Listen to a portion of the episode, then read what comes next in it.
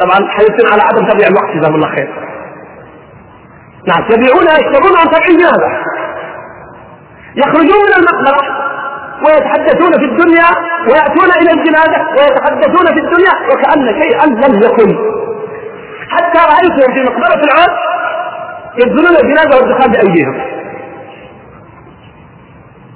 هذا ما هو فتور هذا تعدى حدود الفتور والعياذ بالله.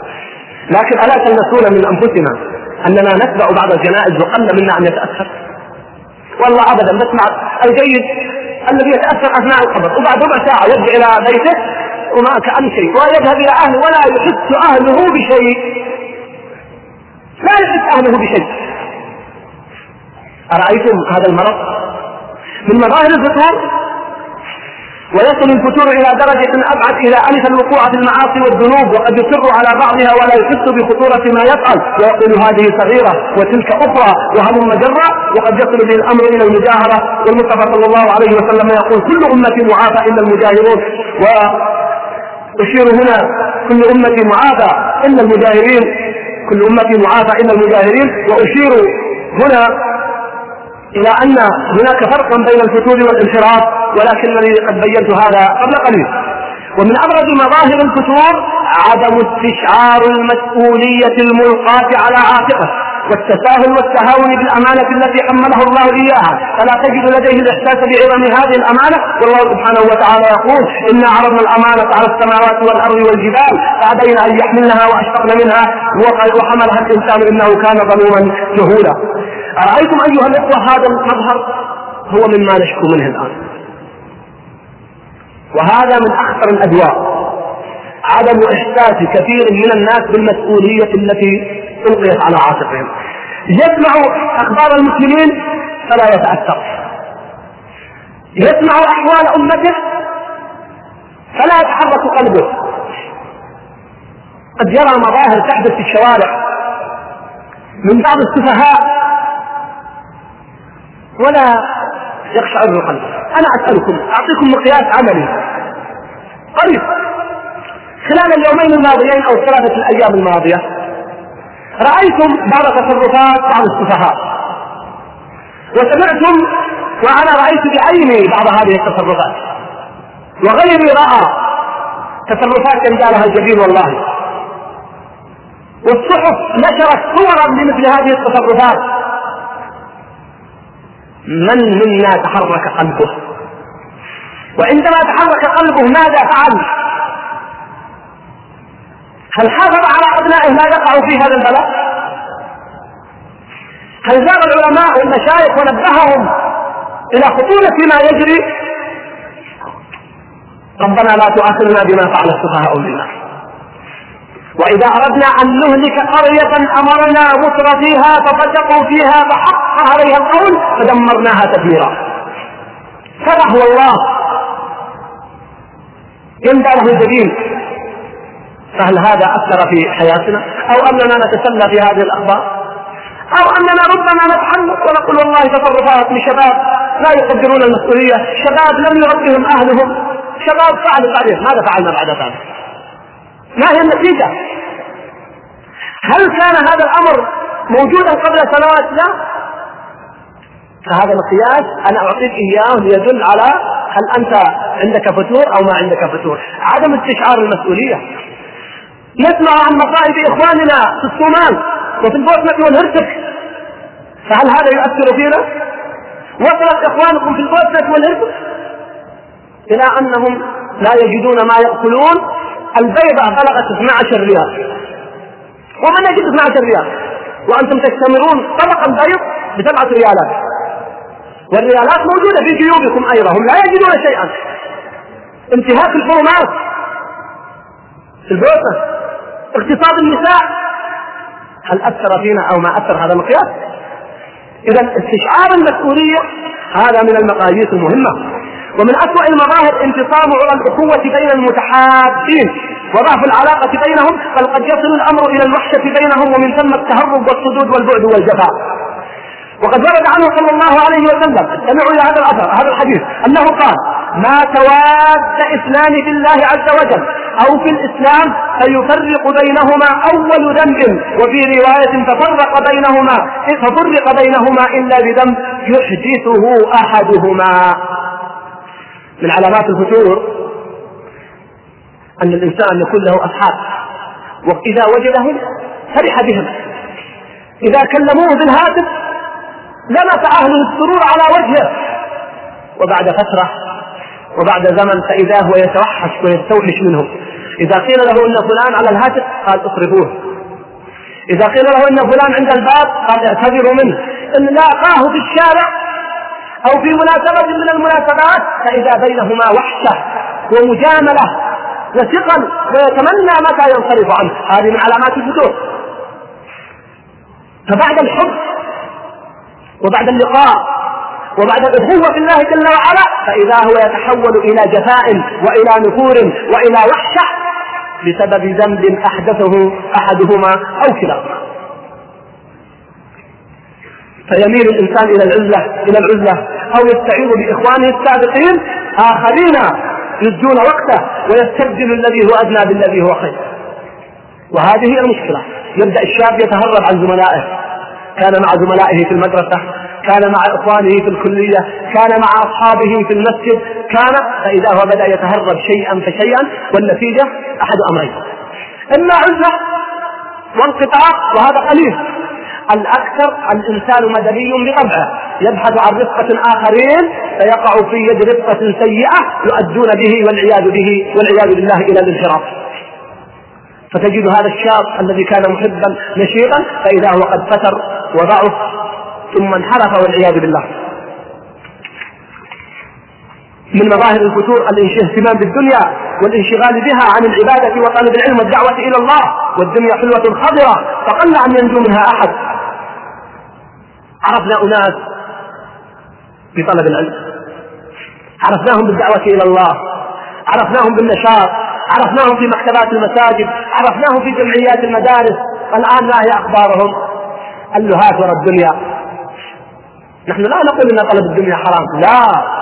لكن بدل أن كان يكتفي من الدنيا بالكفاف فإذا هو يلهث وراء هذه الدنيا وإذا هو قد ترك العمل الذي هو فيه وإذا هو حتى قد ترك العلم وما بقي معه من العلم إلا قليلا أو لم يبق معه شيء.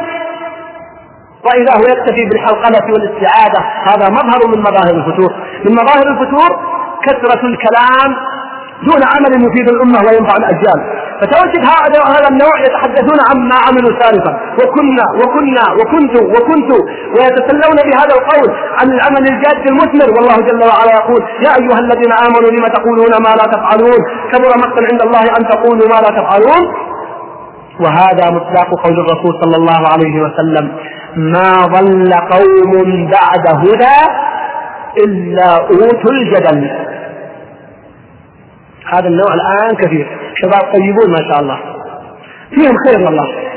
لكن تجد جلساتهم؟ أحد أحاديث. وكنا وكنا وكنا نفعل وأذكر منا ممن درسنا بعض مشايخنا جاءوا من دولة عربية أو من بعض الدول العربية. وكانوا دائما يقول لنا ونحن في الكلية عندما كنا دعاة عندما كنا دعاة عندما كنا مع الدعاة سبحان الله. والآن فعلا هم لم يعودوا دعاة ويتسلون ويحدثوننا عما فعلوا. طيب لماذا لا تحدثوننا عما تفعلون الآن وعما ستفعلون غدا؟ ما عندهم شيء. كنا كذا. كنا نفعل كذا. كنت عندما كنت طالبا أفعل كذا. كنت خطيبا في مسجد. والله حتى أصبحت نكتة على أمثال هؤلاء كنت وكنت. هذا بلاء موجود الآن. هناك نوعية الآن من الناس فئة من الشباب يتسلون بالماضي. لكن لا تجد عندهم عمل في الحاضر ولا عمل في المستقبل. هذا مظهر من مظاهر الفتور. من مظاهر الفتور الغلو والاهتمام بالنفس مأكلا ومشربا وملبسا ومسكنا ومركبا. فبعد أن كان لا يلقي لهذه الأشياء بالا إلا في حدود ما شرع الله فإذا هو قد أصبح يبالغ فيها. يبالغ في ثيابه يبالغ في مسكنة بدل ما كان لا يبالي إلا بحدود الشرع. يا بني آدم خذوا زينتكم عند كل مسجد وكلوا واشربوا ولا تسرفوا إنه لا يحب المسرفين. فإذا السيارة ما شاء الله من أحسن السيارات وتنظيفها يوميا والثوب كل يوم يغيره أو كل يومين. والله اذكر إنني لقيت داعية أو واحد من هؤلاء مع ان في خير كثير لكن لم يعد هو الذي كنا نعرفه قبل سنوات. إذا سافر لمدة 20 يوم يأخذ أكثر من 20 أو 15 ثوب. عنايته بثيابه عجيبة جدا. نحن ما نقول الإنسان لا يلبس الجميل لا والله.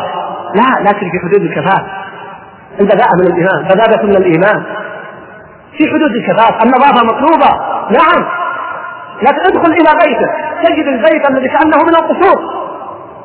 فالعناية الاهتمام الزائد المبالغة الغلو. فبعد أن كان هذا الشخص لا يلقي لهذه الأمور بالا وينشغل في العبادة وفي العلم وفي الدعوة إلى الله. أحد السلف قيل له ابن عقيل الحنبلي لماذا تكف الكعك وتلهمه وتلحقه بالماء ولا تغط الخبز بالمرق؟ قال وجدت بين لهم الكعك أي كف الكعك والحاقه بالماء وغط الخبز بالمرق. قراءة خمسين آية. طيب وين ابن عقيل عن وجباتنا؟ كم عندنا من نوع؟ وكم عندنا من الطعام؟ وكم نجلس على المائدة؟ شيء عجيب يا أخوان. فبعد أن كان هذا الشاب يأكل ما ياتي ولا يفكر الآن يقيم الدنيا مع أهله ومع زوجته. الله يعين زوجته عليه. الطعام فيه كذا لماذا الطعام ما في كذا؟ لماذا ما وضعت لنا نوعين أو ثلاثة؟ سبحان الله. الملابس لو يأتي يوم يجد ثوب ما ما تكون لو يجد ثوب تاخرت زوجته أو أخته أو أمه بكي الثوب أقام الدنيا ولم يقلها الامر بسيط. المسألة صحيحة حضرة الله. فالعناية حتى وصلت والله ببعض شبابهم طيبون فيهم خير فيهم صلاح يعتنون بملابسهم والله أكثر من بعض النساء. نعم. وتجد أمام المرآة يهتم في مظهره. لا يا أخي الكريم لا تبالغ هذه المبالغة. يا بني آدم خذوا زينتكم عند كل مسجد وكلوا واشربوا ولا تسرفوا إنه لا يحب فمن مظاهر الفطور العناية الزائدة بالمأكل والملبس والمركب والمسكن. هذا نوع من أنواع يصاب به الإنسان. أيضا انقضاء الغيرة وضعف الجبوة الإيمان وعدم الغضب إذا انتهكت محارم الله. فيرى المنكرات ولا تحرك فيه ساكنا ويسمع عن الموبقات وكأن شيئا لم يكن. وقد يكتفي بالحوقلة والاسترجاع إن كان فيه بقية. من يهن يدخل الهوان عليه ما لجرح بميت إيلامه أكمل إن شاء الله. ما بقي إلا القليل. بعد الأذان مباشرة إن شاء الله.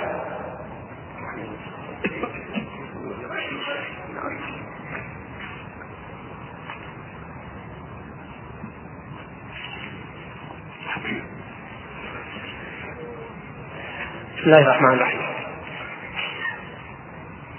قبل أن أبدأ أذكر الإخوان بسنة نفيها الكبير وهي الصلاة على الرسول صلى الله عليه وسلم بعد انتهاء الآذان. السنة أن نتابع المؤذن وأن نقول مثل ما يقول إلا في الحوقلة إلا في الحيالة فإن الإنسان حوقل فإذا انتهى أكثر الناس مباشرة يقول اللهم رب هذه الدعوة التامة والصلاة القائمة. وأنا أقول هذا من تأثير آه، ما يسمعون أحيانا في الإذاعات أو غيرها. ولا بأس هذا دعاء وارد لكن السنة أن نصلي على الرسول صلى الله عليه وسلم. ثم نقول اللهم رب هذه الدعوة التامة والصلاة القائمة الدعاء المأثور فمحافظة على السنة وأحياء الله بارك الله فيكم.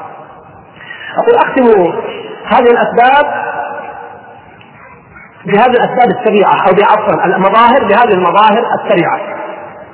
من مظاهر الفتور ضياع الوقت وعدم الإفادة منه وتزكيته بما لا يعود عليه بالنفع وتقديم وتقديم غير المهم على غير المهم على المهم أو على الأهم والشعور بالفراغ الروحي والوقت وعدم البركة في الأوقات وتمضي عليه الأيام لا ينجز فيها شيئا يذكر. الآن كثير من الناس وهو مصاب بداء الفتور يقول والله تغير الزمان، أنا ما أستفيد من نقصي، لا يا أخي الكريم ما تغير الزمان. العيب فينا، نعيب زماننا والعيب فينا وما لزماننا عيب سوانا. ونشكو إلى الزمان بغير حق ولو نطق الزمان بنا هجانا. فمن مظاهر الفتور ضياعة الوقت. وهذه شكوى عامة دليل أن هناك بلاء. ولذلك نجد أن الجادين ما عندهم وقت أعطيكم مثال واحد.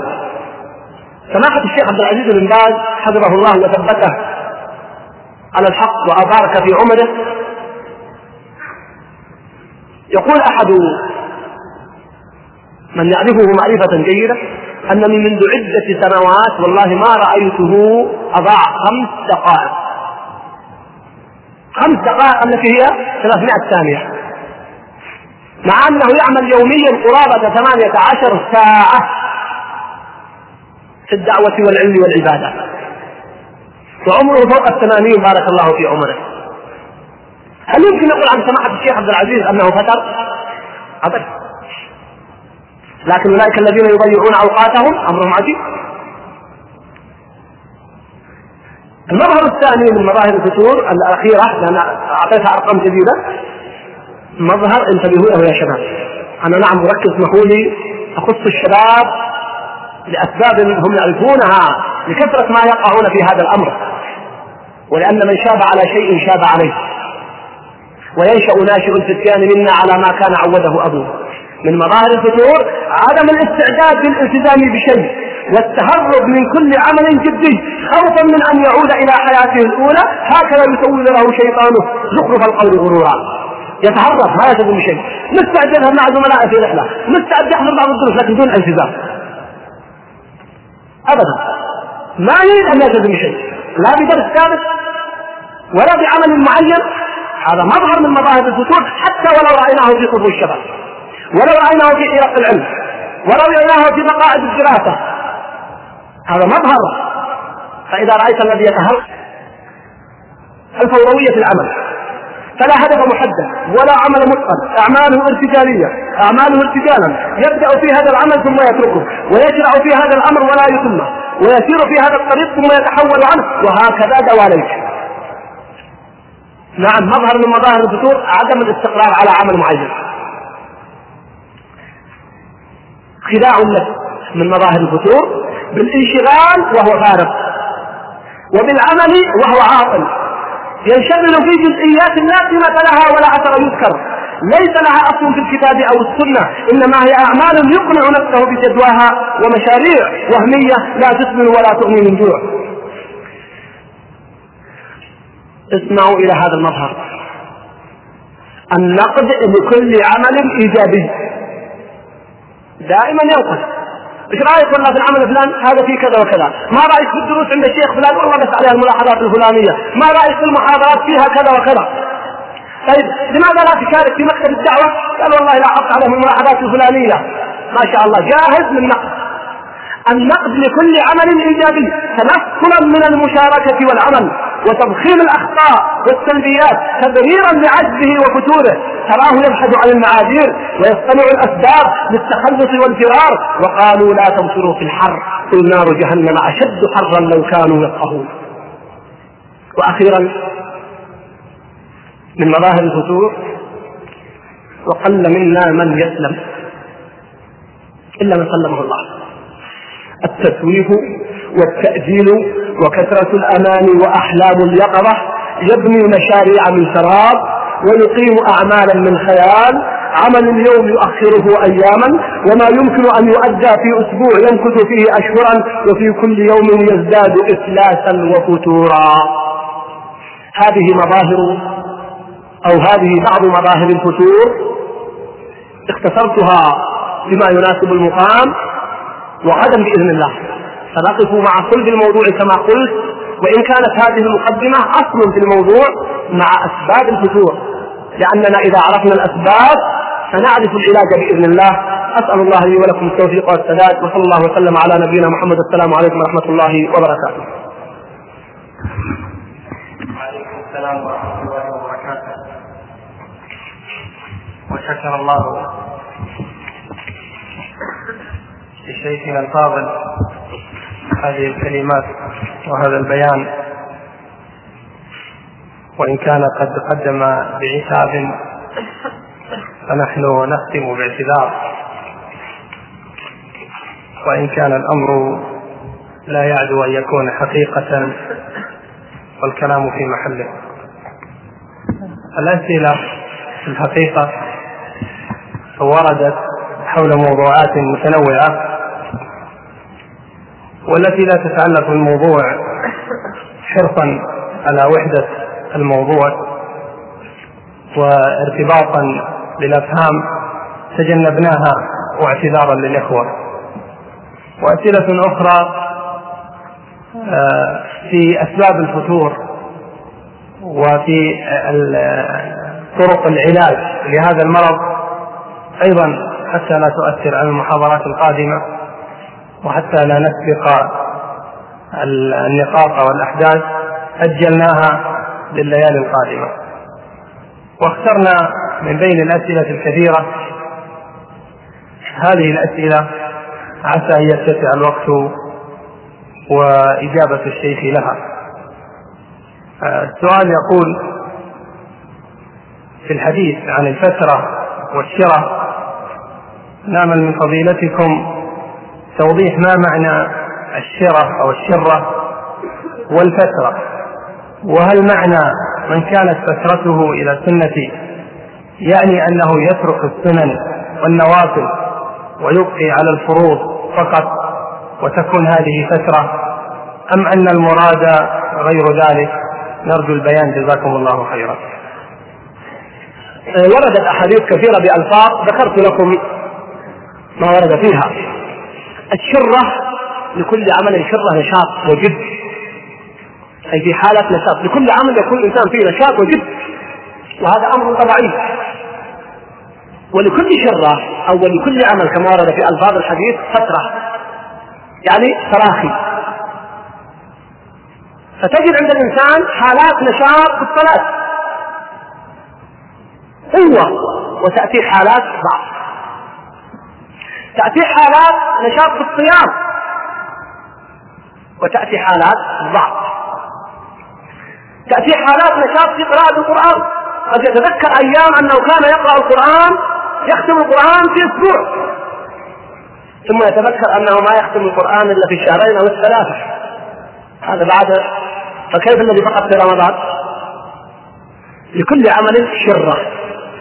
نشاط. أنا أذكر واحد من الأحبة لما كانت أمواله قليلة كان ينفق قرابة 70% من دخله في سبيل الله. ولما كثرت أصبح لا ينفق إلا في حدود 10% أو 5% أو 15 كما لا أستطيع أحدد لأنه يقول على فترات. وهذا طيب على كل حال 5 أو 10 أو 20 أو 1% غير الزكاة وغير الواجب في خير عظيم. لكن ما في مقارنة بين النسبتين فلكل عمل شرة نشاط يكون عنده استعداد للدفع. ولذلك سبحان الله ما في أكثر وأحسن من نفقة الفقراء. ينفقون بسهولة. بينما إذا كثرت أموال الإنسان إلا من وفقه الله يقل لأنه يبدأ ينظر لكثرة ما يخرج ما ينظر لكثرة ما يخرج. وأذكر من الطرائف الجميلة في هذه المناسبة. أحد المشايخ يقول كنت ألقي محاضرة فجاء سؤال عن المجاهدين. وأظن السؤال كان أظنه ظنا عن الصومال أو عن البوسنه والهرسك وكان في فقير عند الباب فقير مش أظن فيه عاهه من العاهات والناس يعطونه أموال. تقول بدأت أتحدث عن مآت المسلمين وظروفهم وأوضاعهم.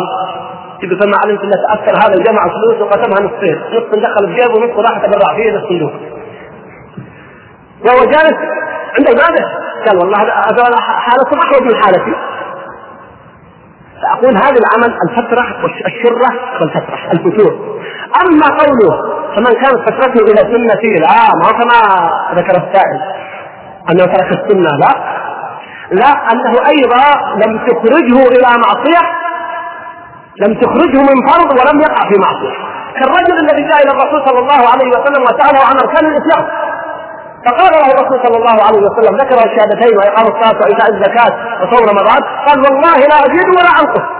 قال الرسول صلى الله عليه وسلم افلح وهذه ان أي إذا كانت الإنسان فترته لم يترك واجبا أو فرضا ولم يقع في محرم فأمره زين. طيب سيعود كما في الحديث الآخر؟ سيعود. سيعود. هذا غالبا يعود. أما الذي فترته توقعه في محرم أو في ترك واجب وهذا هو الغالب. هذا فلا تعدوه. خلاص انتهى وفي رواية أخرى فقد هلك. ولا تقل يا أخي الكريم أن فترتي ما تخرجني إلى محرم ولا توقعني في ترك واجب. لا ما أظن. يكفي أنك في فترتك تمر عند منكرات وتسكت عنها. هذا ترك واجب. في فترتك؟ قد تجالس أناس لا يجوز أن تجالسهم. فلو دققت النظر لوجدت أنك في حالة فتورك ستقصر في واجب أو تقع في محرم والعياذ أما من حافظ على الواجبات والفرائض فلم يقع في معصية ولم يترك فرض فهذا سرعان ما يعود إلى مثل ما كان بإذن الله.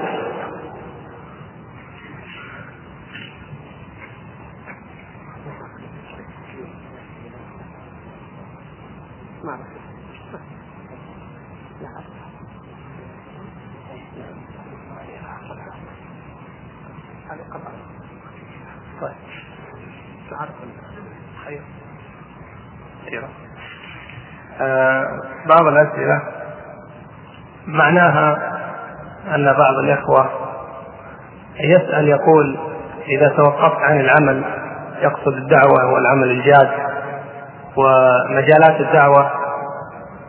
إذا توقفت عن العمل عندما أشعر في فتور فإن العمل الجاد هذا يختل وربما ينقطع. وبعض طلاب العلم يقولون لي أو لنا احمل نفسك على الخير حملا. فما قولكم في ذلك مرتبطا أو آه، بالإشارة إلى حديث زينب أم المؤمنين التي كانت تربط الحبل فإذا رأت الفتور تعلقت بهذا الحبل فكيف نفعل مقابل آه، هذا هاتين الحالتين؟ هذا لعله واضح. آه يا أخي الكريم لا تأخذ الحديث وتنسى الآية. ويجب أن نأخذ الحديث والآية جميعا. حديث زينب في عمل عبادة مقتصر على على ذاتها لا يتعدى النفع إلى غيرها. عبادة ذاتية. فلو ضعفت أو تعبت أو تعبت فارتاحت ثم عادت تكون أنشط فلا شيء عليها. أما ما يشير إليه الأخ فيتعلق بعمل متعد بعمل الآخرين فأذكره بقوله تعالى ولا تكونوا كالتي نقضت غزلها من بعد قوة أنكاثا الواحد يقوم بعمل وينشط ثم ينسحب هذا يخشى عليه أن يكون ينطبق عليه بعض هذه الآية. بعد أن اجتهد وبنى هذا العمل اختل هذا العمل كالتي نقضت غزلها من بعد قوة أنكاثا تصور امرأة تغزل. وبعد ما انتهت بدأت تحل. وتحلل ما غزلت. هذه تقال عنها غير طبيعية فلذلك نبه الله جل وعلا بخطورة هذا الأمر. فكذلك فرق الآية تتعلق بالعمل المتعدي والحديث يتعلق بالعمل القاصر على نفع الإنسان. على أن لا يتجاوز حدود الطاقة. ولذلك قلت لكم قبل قليل ان الشيخ حافظ الحكمي وأنا أشرح الحديث رحمه الله لأن نفعه متعدي وهو يكتب ويؤلف. ويضع المناهج لطلابه ولمدارسه التي أنشأها الشيخ عبد الله القلعاوي رحمه الله. ما كان يريد الفتور لأنه لو فكر ما أوجد مناهج للطلاب جلس الطلاب بدون دراسة؟ فيحدث الخلل فكان يجاهد نفسه مجاهدة عجيبة ولا ينام إلا لحظات لينجز هذا العمل أما لو كانت صلاة وعبادة كما ورد في الحديث قد يدعو الإنسان على نفسه. إذا أجبر نفسه على الصلاة وهو مثقل ونائم بدل أن يدعو لنفسه قد يدعو على نفسه. لا ينام يرتاح. ثم يقوم بعد ذلك. يقوم أنشط وأفضل مما كان. نعم. تسأل إحدى الأخوات.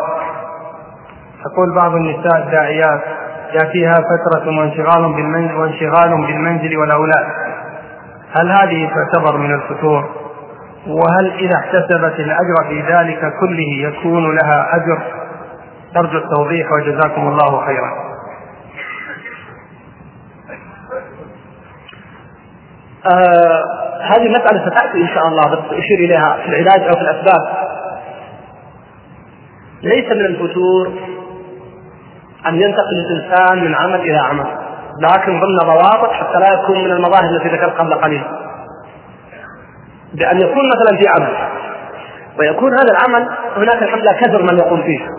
وهو يرى أنها الحاجة أن ينتقل إلى عمل آخر أفضل وأهم منه. هذا ليس من الفتور الأخت هذه مثلا قد تكون في نشاط لكن حق الزوج أولى وأوجب. فإذا كان سبب فتورها كما تقول هي انشغالها بما هو أوجب هذا ليس فتور. إذا انشغل الإنسان بواجب عن نفل هذا ليس فتور هذا علو. هذا علو لا شك في ذلك. والدليل هذا ذلك لو كان الإنسان عنده عمل قاصر على نفسه عبادة قاصر فيها على نفسه ثم انشغل بعمل آخر فيها عمل متعدي. هل نقول هذا فتر؟ لا أعطيكم مثال. لو كان الإنسان في فترة من فترات شبابه عنده فراغ والحمد لله فيقرأ في اليوم عشرة أجزاء أو سبعة أجزاء من القرآن.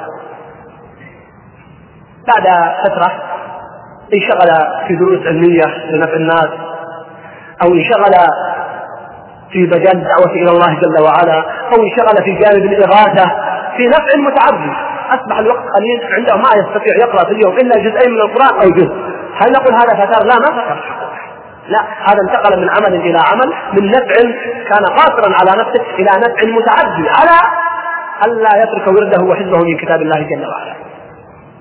انتبهوا لهذه المسألة. فإذا أقول لهذه الأخت إذا كان انشغالها بسبب واجبات تقوم بها في حقوق زوجها وحقوق بيتها فهي مأجورة بإذن الله على نعم أن تجاهد نفسها. على أن تجاهد نفسها. لا يكون هذا مبرر لترك الطاعات والعبادة لأننا نخشى عليها من الوقوع في المعصية بعد ذلك.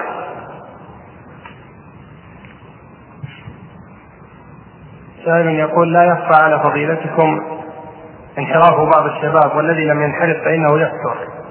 فماذا نتعامل مع المنحرف وماذا نتعامل مع الذي فتر بشكل مختصر وجزاكم الله خيرا.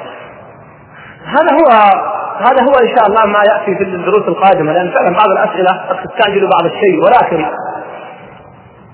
مع أهمية معالجة المنحرفين هداهم الله والفاسرين ردهم الله ردا حميدا.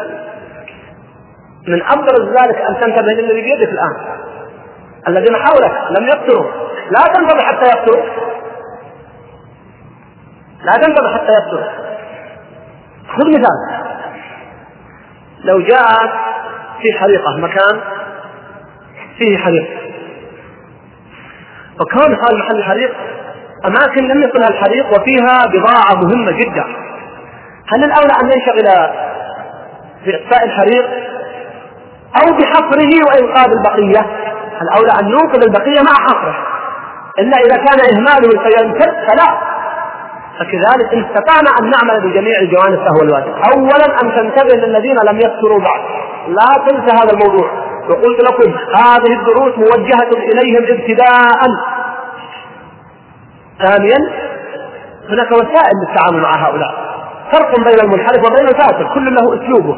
لعل هذا إن شاء الله يأتي علاجه كما قلت لكم في هذا الأمر. والذي فتر تحتاج دروس عملية ليست نظرية فإنه غالبا يعود بإذن الله. لأن غالب الذين فتروا هم هم تحولوا من مصلحين إلى صالحين.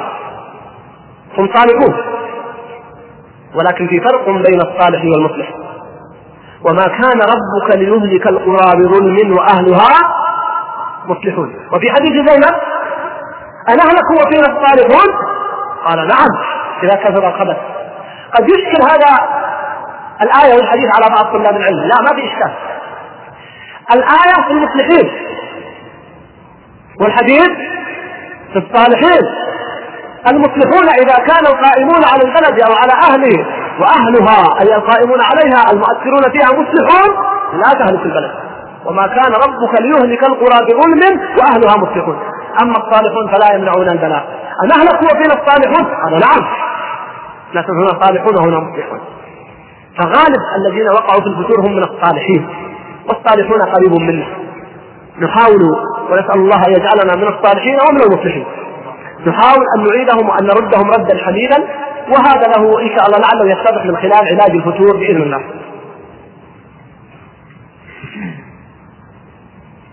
سؤال يقول حديث عائشة جاء في آخره أن الله لا يمل حتى تملوا. أرجو منكم شرح لفظ هذا الحديث. هذه العبارات التي ذكرها أهل السنة ولا يقفون طويلا في تفصيلها. نحن لا نصف الله جل وعلا بالملل أو الملال لكن هذه من الألفاظ العامة التي وردت في باب المقابلة. نعم. كقوله فمن اعتدى عليكم فاعتدوا عليه مع أن الشخص الآخر ما اعتدى إنما أخذ حقه. ويمكرون ويمكر الله والله سبحانه وتعالى لا يوصف بالمكر جل وعلا. فهذه من العبارات المجملة التي معناها قال العلماء إن الله جل وعلا مهما عملتم واستمررتم هو جل وعلا سيجزيكم على عملكم ولن يبخسكم من أعمالكم شيئا. فلن يمل الله حتى تملوا يعني أن الله جل وعلا مهما عمل سيعطيك. أعطيكم مثال. الجنة غراسها سبحان الله والحمد لله ولا إله إلا الله والله. غراسها غراس الجنة. قد يقول الإنسان والله أبكثر لكن قد يجيه الشيطان. قد يقول لا ترى إذا تعديت صعب لا يا أكثر. الله أكثر. أكثر فالله أكثر. هذا معناه. مهما قلت من هذه الدعوات وقبلها الله جل وعلا سيعطيك الله. مهما سألت الله جل وعلا. لن ينقص من ملكه شيئا كما في الحديث. لو أن الناس اجتمعوا من أولهم وآخرهم على صعيد واحد وسألوا كل واحد سأل مسألته أعظم مسألة عنده.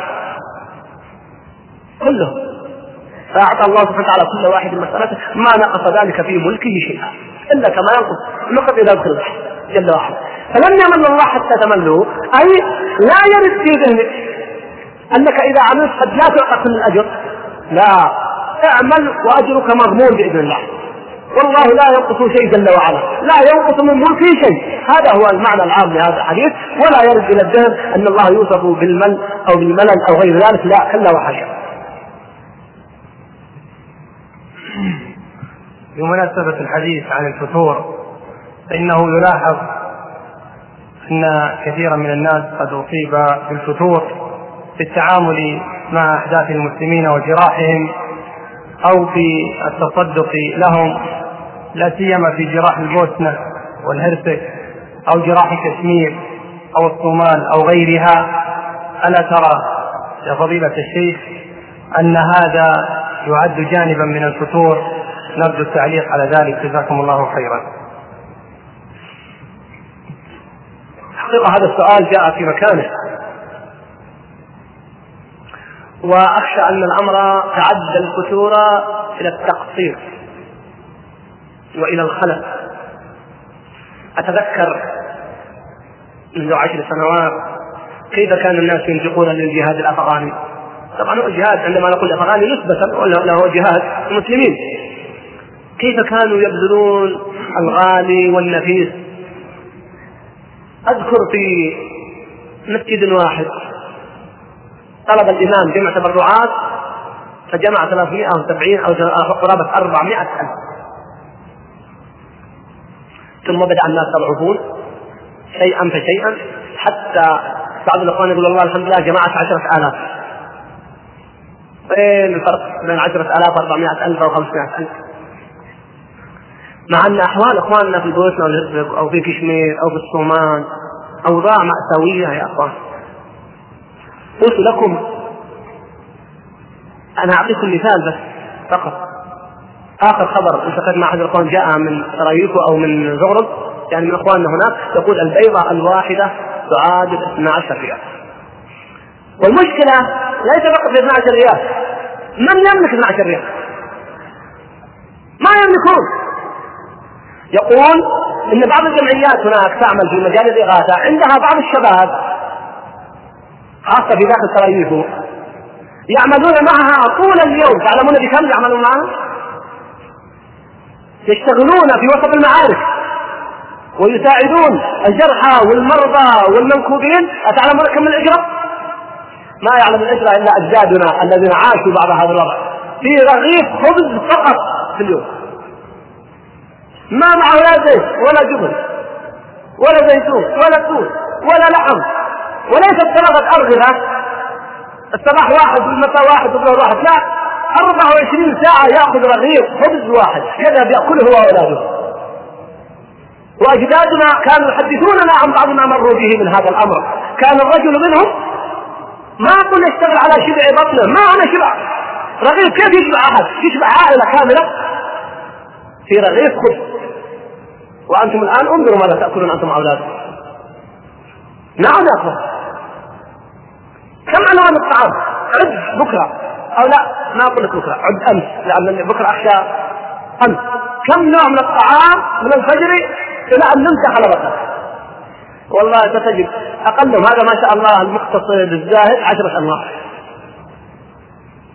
هذا الزاهد. وإلا بعضهم الله يصل يا أخوان يوميا إلى قرابة 30 نوع. نعم بين مأكولات ومشروبات. أقول لكم 30 نوع. والمتوسط 15 إلى 10 20 نوع. نعم. كم من أنواع الفطور؟ كم أنواع الغداء التي يدخل فيها؟ كم أنواع العشاء؟ وما بينهما؟ وهؤلاء لا يجدون ما يأكلون. في الصومال اخواننا يقولون نحن لا نريد منكم طعام ولا نريد منكم كتاب نريد منكم كفن لموتانا لأننا ما وجدنا إلا أكياس أطعمة ترسلها الإغاثات النصرانيه أكياس رز. فإذا مات الميت عندنا وضعناه في الكيس وعليها الصليب. ودفناه فيه. ما عندهم كفن إلا هذا الكيس. يقول ندفنه في قبره فالصليب موجود يبقى كفن بس جزاكم الله خير. يا أخوان أحوالنا ما ترضي. وإذ تأذن ربكم لئن شكرتم لأزيدنكم ولئن كفرتم إن عذابي لشديد. عود أولادك على النفقة عود أولادك على الجد في سبيل الله. أنا أعلم أن أحوال الناس الآن من الناحية المادية ما اختلفت كثيرا قبل عشر سنوات. البحث اسباب التجارة الآن والرواتب أكثر من ما كان سابقا والدخول اللي دخلوا في العقارات وغيرها. لكن الشح حب الدنيا التمسك بالدنيا. فأقول نعم أصبنا ليس بالفتور فقط بل أبعد من لعل الله أن نلطف بنا وأن يرحمنا مع ذنوبنا وتقصيرنا وفعل سفهائنا وأن يرفع عنا البلاء بما يراه منا من مساعدة إخواننا. من رحمتنا باخواننا يرحمنا الله جل وعلا. الراحمون يرحمهم الله. فسؤال الأخ يقول نعم السؤال نعم الفتور موجود بل تعد حدود الفتور والله المستعان. ولعل أقول لكم الاخ محمد أن هذا آخر سؤال حتى لا يصاب الأخوة بالفتور وموعدنا غدا إن شاء الله. أيها الإخوة نرجو متابعة الحلقة الثانية من الموضوع وهي عن أسباب الفطور على الشريط الثاني أيها الإخوة بموجب فهرس تسجيلات التقوى فإن رقم هذا الشريط هو عشرة آلاف وسبعمائة وثلاثون